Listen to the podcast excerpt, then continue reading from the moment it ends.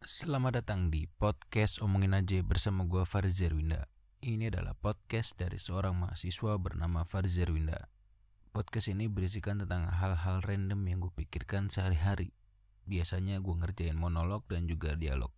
Jadi kadang gue ngomong sendiri, kadang gue ngomong sama orang lain ngobrol. Yang pasti isinya menarik ya. Mudah-mudahan.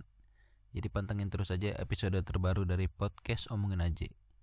Jangan lupa follow juga lah. Terima kasih.